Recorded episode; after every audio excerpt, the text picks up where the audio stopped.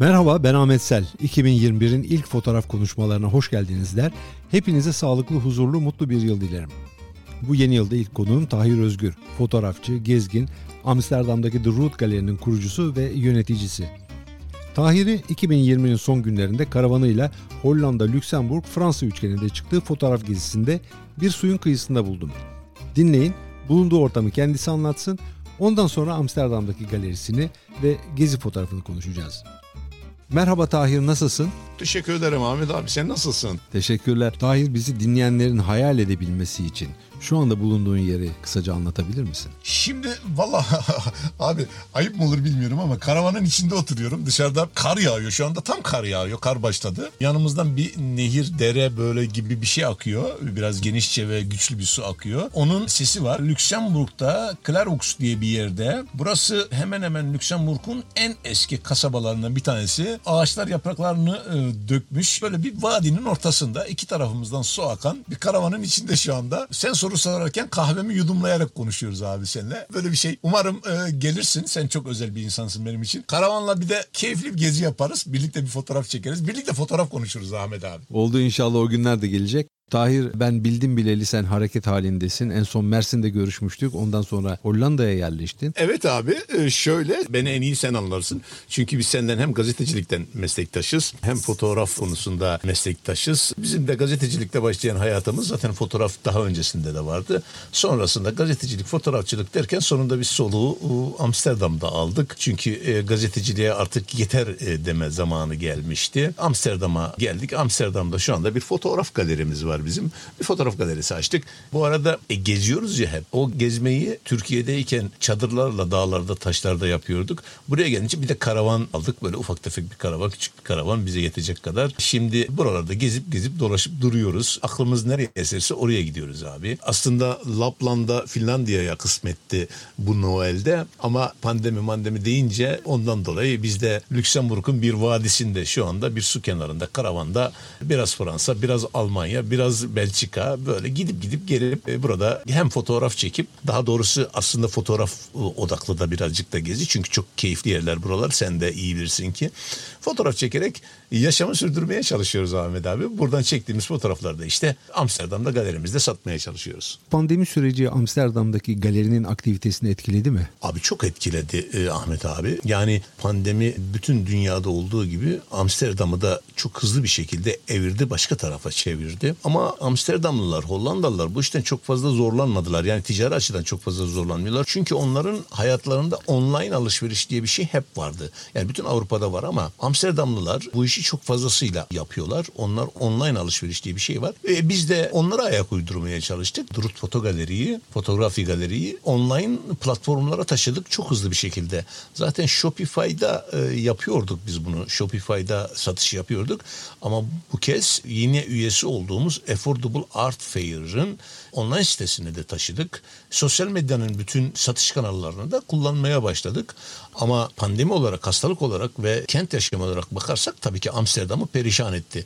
Ama dediğim gibi insanlar bu ticari anlamda hızlı bir şekilde online'a yöneldiler. Zaten yönelmişlerdi daha da hızlı yöneldiler. Yani biz o eksiğimizi bu pandemi sürecinde kapattık Ahmet abi. Yani sen bir şekilde bu yeni duruma adapte oldun. Fotoğrafları online sistemi üzerinden satmak e, nasıl oluyor? Abi şöyle çok basit. Dünyanın en büyük satış kanalları var. Yani o bir platform oluşturmuşlar. Mesela biz Shopify diye bir kanal üzerinden Drut Foto Galeri'yi dünyanın her tarafındaki yere açtık. Galerimizin internet sitesini oradan insanlar girip istedikleri ölçüde, istedikleri ebatta, istedikleri tonda bile diyebilirim. Fotoğraflarını bizden hemen anında satın alabiliyorlar. Aynı şeyi dünyanın birçok yerinde uluslararası sanat fuarları düzenleyen Affordable Art Fair e, altyapıyı İngiltere e, kuruyor. İngiltere'de e, merkezi olan bir kuruluş var. Affordable Art Fair'da yılda dünyada onun üzerinde fuar açardı ve o fuarda sanat ürünlerini insanlar satarlardı. Sanatsal materyalleri, sanatsal ürünlerini satarlardı. E şimdi onlar fuarları açamayınca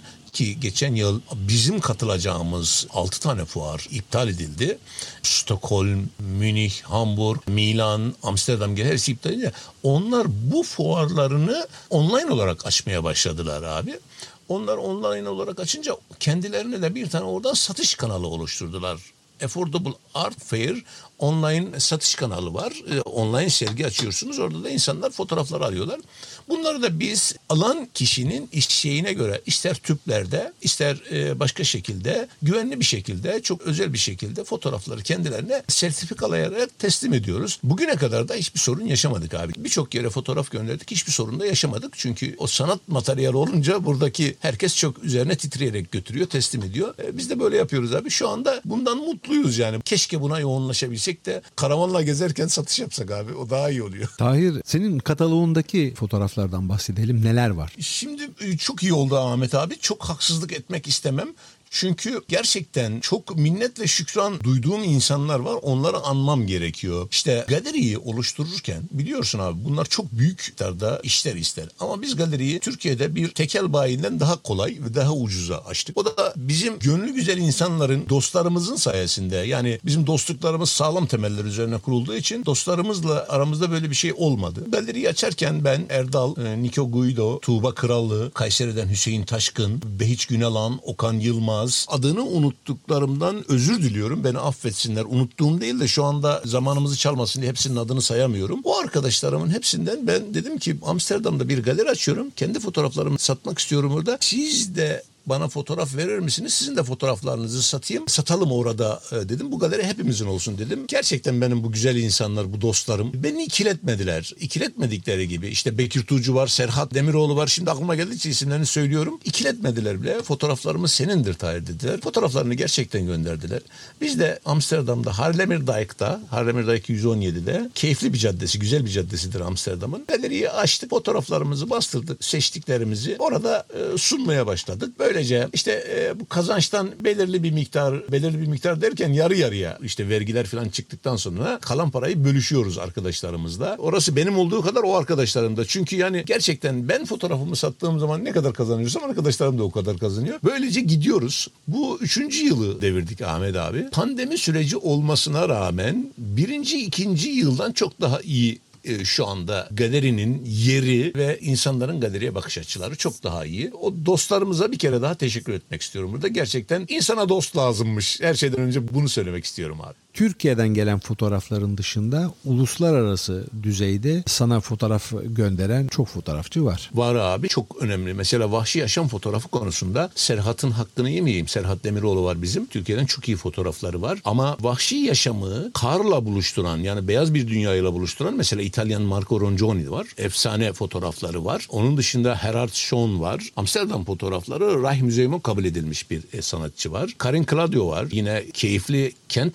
fotoğrafları, kent dokusu fotoğrafları çeken arkadaşlarımız var. Var yani uluslararası çapta bize zaten galeriyi açtıktan sonra, galeriyi gördükten sonra gelip benim de fotoğrafımı galeride satar mısınız diyen, gelip bizim maille internet üzerinden ulaşıp ben de burada fotoğrafımı satmak istiyorum diyen birçok arkadaşımız var uluslararası e, gerçekten. O kelimeyi sevmiyorum ama uluslararası ünlü, uluslararası başarılar elde etmiş arkadaşlarımız var. Ama başka bir şey daha var. Türkiye'deki arkadaşlarımızın fotoğrafik e, kariyerleri, fotoğrafik başarıları e, gerçekten hepsinden çok çok önde. Yani bir e, Niko, bir Erdal, bir Tuğba'nın bale fotoğrafları, bir Salih Güler şimdi fotoğraflarını göndermeye başladı bize. Yani onların fotoğrafları ve oradaki işte birçok arkadaşımızın fotoğrafları yabancı fotoğrafçıların fotoğraflarını e, hiç ama hiç aratmayacak kalitede, güçte ve çok çok iyi. Çok çok iyiler çünkü. Yani gerçekten Amsterdam'da böyle bir soru gelir mi şimdi bilmiyorum Ahmet abi. Amsterdam'da insanlar o fotoğraflara baktıkları zaman yaşamı e,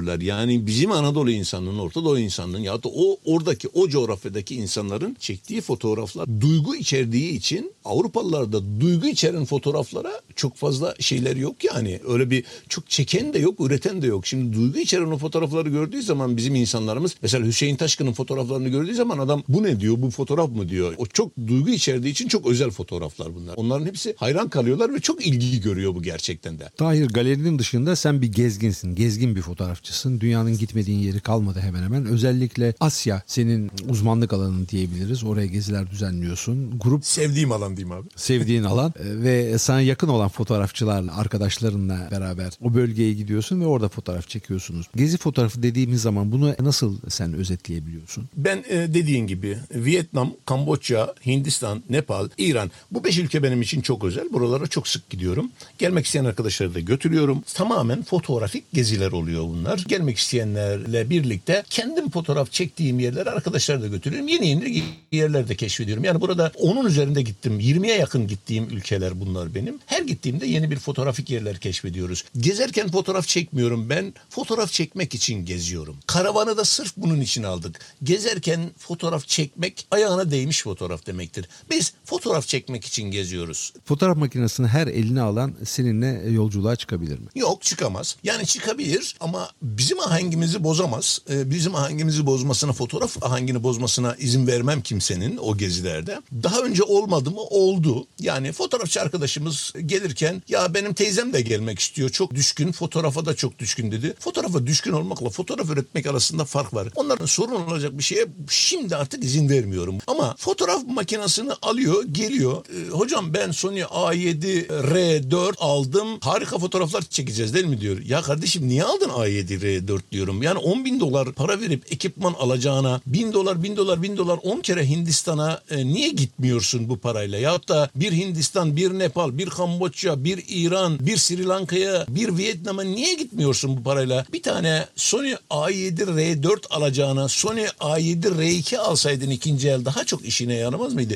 İkisi de aynı fotoğrafı üretiyor abi. Fotoğraf makinesi iyi olan adamla seyahate gitmeyi tercih etmiyorum. Onlar da gitmesinler zaten. Ama beyni iyi olan adam fotoğraf çekmeye gitsin abi lütfen. Yani ne olursun bunu çok ısrarla, ısrarla bunu belirtmek istiyorum. Fotoğraf makinesi çok iyi olan da gitsin. Ama fotoğraf çekmek o değil.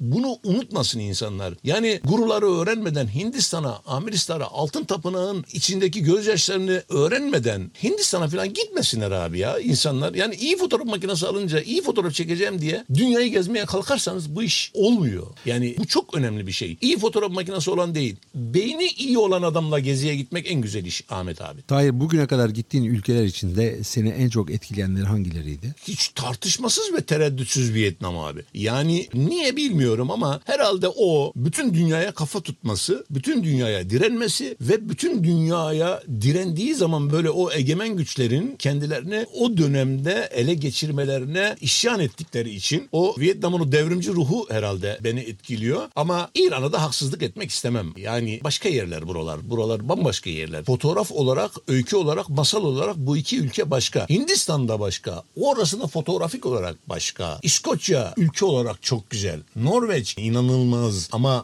benim gönlüme, beynime yakın Vietnam, İran ama gözüme yakın, ruhuma yakın yerler öbürleri. Yani o ülkeleri ikiye, ikiye üçe ayırdığım yerler var benim abi. O bambaşka e, yerler oralar. Yani İskoçya bambaşka bir ülke. Çok güzel, çok keyifli, çok hoş ama bir Vietnam gibi ruhuna dokunmuyor insanın abi. Yani bir şeyi alıyor sizden. O çok önemli bir şey o. Ben gerçekten Vietnam bir savaşın adı değil, bir ülkenin adı diyorum hep. Gerçekten de Vietnam bir yer. İran ya hiçbir şey yokken onlar vardı oradalar abi yani başka bir dünyalar onların insanından tut doğasına kültürüne zengin şairlerine o, o başka bir şey orası abi. Onun için iki ülke çok önemli benim için. Bu gezdiğiniz ülkelerde fotoğrafçılarla fotoğrafını çektiğiniz insanlar arasındaki ilişki nasıl kuruluyor nasıl geçiyor? Ahmet abi şöyle bir şey var. Bir kere Asya'da hiçbir sorun yaşamıyorsunuz. İşte Vietnam'da, Kamboçya'da, Hindistan'da filan. Ha, Hindistan biraz ticarileşti fotoğrafta. Fotoğrafını çektiğiniz insan mutlaka bir şey istiyor. Verin zaten canım. Yani günde bir dolarla yaşayan insana fotoğrafını çekiyorsanız bir dolar da siz verin. Bu çok önemli bir şey değil. Ama bu ülkelerde insanlar fotoğrafları çekilirken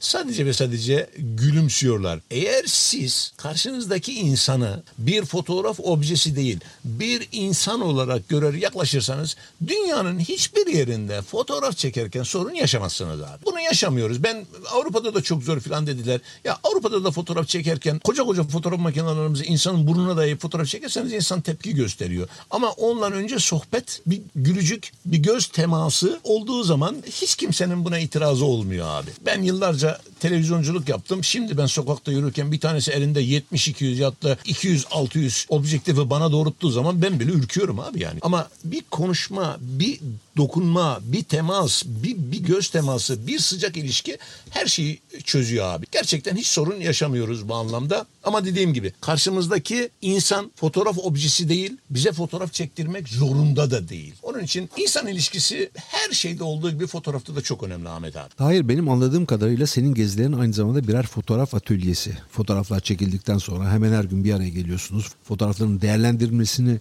yapıyorsunuz. Aslında zaten bu fotoğraf gezileri başlarken bu bir fotoğraf atölyesi olarak başladı. Yani önce Karadeniz'de başladı, Kapadokya'da başladı, sonra yurt dışına yayıldı. Fotoğraf gezilerimiz bizim aslında zaten isteyen olursa tabii fotoğraf atölyesi halinde de geçiyor. Yani işte o az evvel bahsettiğimiz insan ilişkileri, ışık kullanımı, kompozisyon, anlatım, portre, güçlü fotoğraf nasıl elde edilir? Bu böyle başlıyor aslında fotoğraf o gezilerde. Bütün bunların hepsini isteyen arkadaşlarımızla atölyeye çeviriyoruz ve atölye şekli genelde de böyle oluyor. Çektiğimiz fotoğrafları mutlaka akşamları bir odada, otelin lobisinde veyahut da bir yerde oturup, bir kafede oturup mutlaka birbirimize gösteriyoruz. Ne oldu, ne değildir diye. Mesela bir gün çektiğimiz fotoğrafta eğer istediğimiz sonuçları elde edememişsek ertesi gün başka bir saatte yine aynı yere gidip aynı fotoğraf fotoğrafları üretebiliyoruz. Mesela Vietnam'da bir el yapımı makarnacı e, makarna yapanların köyü vardı. Oraya mesela bir gezide üç kez üst üste gittiğimiz oldu. Sabah ışığıydı, akşam ışığıydı, bu olmadıydı. Yarın bu şuradan şöyle olsaydı daha iyi olurdu diye defalarca gittiğimiz yerler oluyor. Bir İran gezimizde ki bunu övünerek ve e, gurur duyarak söylüyorum. Bijar'da ve o bölgede aşura mateminin halkın çamurları yüzlerine ve üstlerine sürerek aşura matemine üzerine ağıt yakma törenini ilk biz İran'da çektik. Döndük Türkiye'de İstanbul'da sergi açtık. E, İfsah'ta gösteri yaptık. Ondan sonra o bölgeye Türkiye'den fotoğrafçı akını başladı mesela. Bu çok özel ve güzel bir şeydi. O sergileri İstanbul'da birkaç yerde açtı. Tamamen o geziye beraber gittiğimiz insanlarla yapılmış bir sergi ve gösteriydi. Yine aynı şey Vietnam için de geçerli. Yine aynı şey Hindistan için de geçerli. Bunu toplu da yapabiliyoruz. Zaten gelen arkadaşlarımızın hemen hemen hepsi o gezilerde çok iyi fotoğraf ürettikleri için gösteri ve sergi mutlaka açıyorlar. Yani bir gezide ha ben buna çok taraftar değilim. Yani bir gezide bir ülkenin ülkenin kültürünü tanıtacak kadar bir gösteri ve sergi yapılır mı? Yapılmaz bana göre. Daha altı doldurulmalı. Ama onu bir gezi gösterisi haline getirip yapan arkadaşlarımız var ki iyi de ediyorlar bunu. Yani eğer o anlamda bu bir çok güçlü bir fotoğraf gezisi olmuyor ama güçlü bir gezi gösterisi oluyor. Hemen hemen gelen bütün arkadaşlarımız bunu defalarca yaptılar abi. Şu ana kadar yaklaşık kaç arkadaşımızla gittik hiç hatırlamıyorum. Çünkü çok uzun yıllar oldu. Uzun yıllardır ama hemen hemen hepsi döndükten sonra bunu yapıyorlar abi. Tahir benim anladığım kadarıyla seninle fotoğraf fotoğraf gezisine çıkmak için fotoğraf çekmeyi bilmek gerekiyor. Bu geziler fotoğraf çekmeyi öğrenmek için yapılan geziler değil. Abi evet fotoğraf çekmeyi bilenin de ötesinde biraz fotoğraf gibi bakan, kültürü, altyapısı olan gittiği yeri özümseyen, gittiği yerde fotoğraf çekerken de öğrenme heveslisi herkes gelebiliyor. Zaten e, bütün bu bilgi birikimi altyapısı olan insan fotoğrafı da çekiyor. Fotoğraf makinesini kullanmak çok küçük bir kısmı işin abi. Fotoğraf çekecek bilgiyi, birikimi, altyapıyı, kültürü edinmek önemli bir iş, özel bir iş. Onu eden herkes de fotoğrafa giderim ben. Herkes de başımızın üstünde gönlümüzde yeri var. Tahir yavaş yavaş pandemi döneminden de çıkacağız büyük bir olasılıkla. Belki bu yaza doğru daha normal bir yaşamımız olacak. Planlamış olduğun ya da şu anda üzerinde çalıştığın geziler var mı? Abi iki tane iptal edilen gezimiz var zaten. Vietnam, e, Kamboçya gezimiz iptal. Hindistan ve İran gezimiz iki tanesi. Ertelendi daha doğrusu iptal derken biletlerimiz yanmadı. Duruyor. Onlar iptal. Şu anda biletleri bile alınmış olan 3-4 gezimiz var. Bunları yapacağız. E bir de tabii benim kendimin gerçekten çok özlediğim, bu pandemi nedeniyle gidemediğim ve benim fotoğraf projesi haline getirmek için gitmem gereken yerler var. Onlar iptal. Sınırların açılmasını gerçekten dört gözle bekliyoruz abi. Yani pandemi bittiği an herhalde bir dizginlerinden boşanmış gibi koşan atlar olur ya abi. Biz de onun gibi herhalde bir nereye gideceğimizi şaşıracağız ve e, gerçekten çok çok özledim. Yani şimdi sen diyeceksin ki ya şu konuşmayı bile bir Lüksemburg'da bir vadinin içinde karavanda yapıyorsun ama özlemden bahsediyorsun. Evet abi o başka bir şey tabii yani o fotoğraf makinesini elime alıp dağ taş yeni keşfedilen yerler bulmak önemli. Yeni hikayeler, yeni masallar, yeni öyküler üretmek önemli. Programın başında söylemeye çalıştım. Tolstoy'un dediği çok önemli bir laf var. Bütün muhteşem hikayeler diyor iki şekilde başlar. Ya şehre bir yabancı gelir ya biri bir seyahate çıkar diyor. Biz de seyahate çıkan kısmındayız o Tolstoy'un meşhur sözünün. Seyahate çıkıp hikayelere yeniden başlamak istiyoruz Ahmet abi. Tahir bu söyleşiye katıldığın için çok teşekkür ederim. Yine görüşeceğiz. Hoşçakal. Abi güzel ülkeme selamlar olsun, dostlara selamlar olsun. Bugün fotoğrafçı, gezgin, Amsterdam'daki The Root Galeri'nin kurucusu ve yöneticisi Tahir Özgür'le beraberdik. Galeriyi ve gezi fotoğrafını konuştuk. Bu yayını beğendiyseniz yorum bırakabilir, yayının linklerini paylaşabilirsiniz. Bu da Fotoğraf Konuşmaları podcast yayınının gelişmesi için çok önemli. Önümüzdeki pazar buluşmak üzere, hoşçakalın.